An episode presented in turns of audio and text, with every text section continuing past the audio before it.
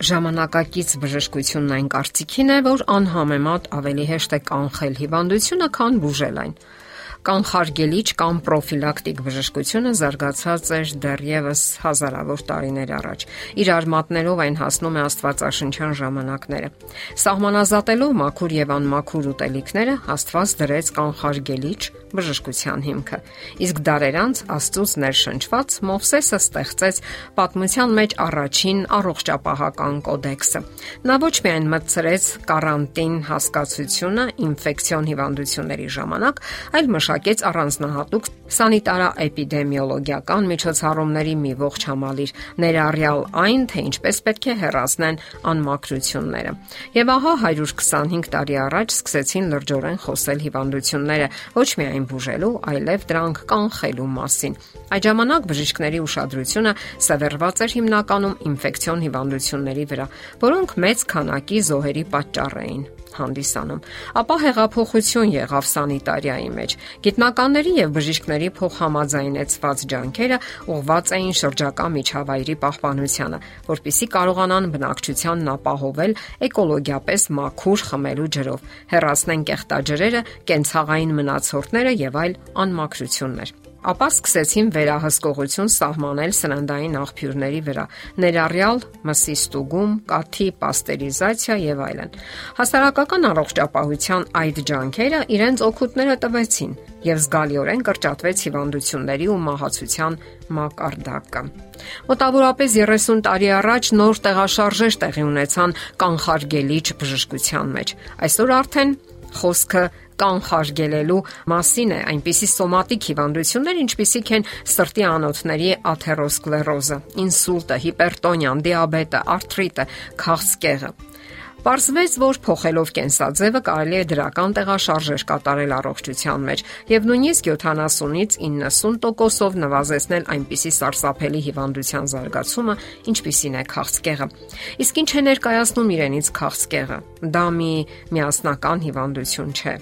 այլ ավելի շուտ հիվանդությունների խումբ է, որը առաջանում է տարբեր պատճառներից, ինչը եւ պայմանավորում է բուժման համապատասխան մոտեցումն ու ընթացքը։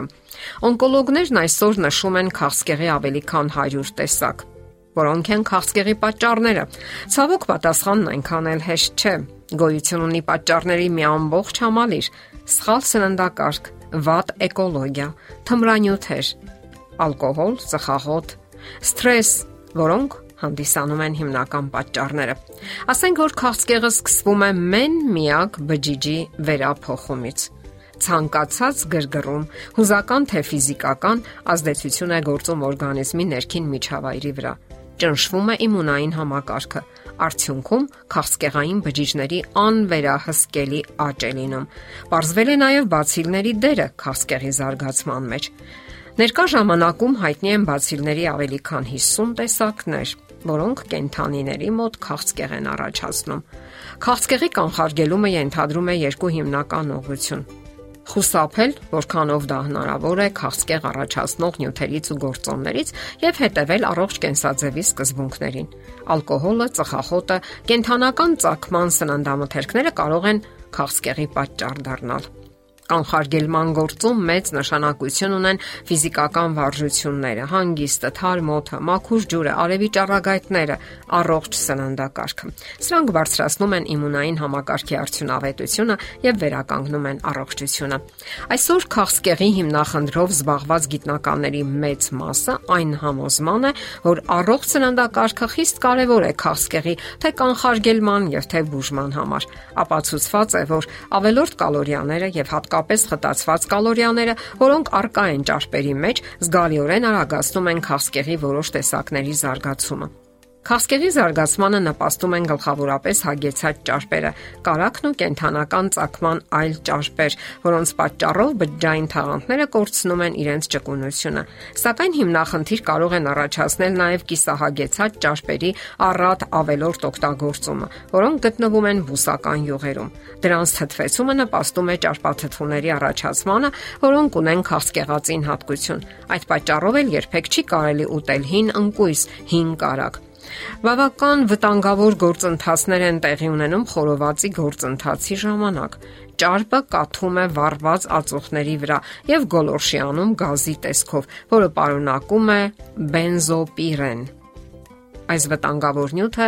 վեր է բարձրանում եւ պարզապես ներծծվում մսի կտորների մեջ։ Հարցն այն է, որ այս բենզոպիրեն նյութը ծխախոտի ծխի մեջ պարունակվող հիմնական քաղցկեղածի նյութն է։ Հաշվարկել են, որ փայտի ածուխի վրա խորոված կես կիլոգրամ մսի օգտագործումը հավասարազոր է 200 ծխախոտ ծխելուն։ Իսկ եթե շատ եք ցանկանում միս օգտագործել, բավարարվեք սպիտակ մսով հավ եւ ձուկ եւ այն էլ քիչ քանակի։ Կատնամթերքը եւ ձուն կոնկրետ քաղցկեղային սննդամթերքների մեջ չեն հաշվարկվում, սակայն այնուամենայնիվ ձուն կարելի է ուտել պինդ եփած վիճակում, իսկ կաթը յուղազերծված եւ երացրած նվազագույնը 5 րոպե։ Դրանք սննդամթերքներ չեն եւ ոչ մեկին դեռ ոչ մի օգուտ չեն տվել։ Անցնելով հակաքաղցկեղային սննդակարգի, դուք կյանքի մի նոր որակ կունենաք, ավելի առողջ եւ կենսունակ փորձեք եւ կտեսնեք։ Շրջապատում հնարավոր է կասկածանքով նայեն ձեզ, սակայն դա այդքան էլ կարևոր չէ։ Կարևորը ձեր առողջությունն է։ Եվ չմոռանաք, քաղցկեղի առաջին իսկ կասկածի դեպքում անհապաղ պետք է դիմել բժշկի։ Եթերում առողջ ապրելակերպ հաղորդաշարն է։ Հարցերի եւ առաջարկությունների համար զանգահարել 033 87 87 87 հեռախոսահամարով։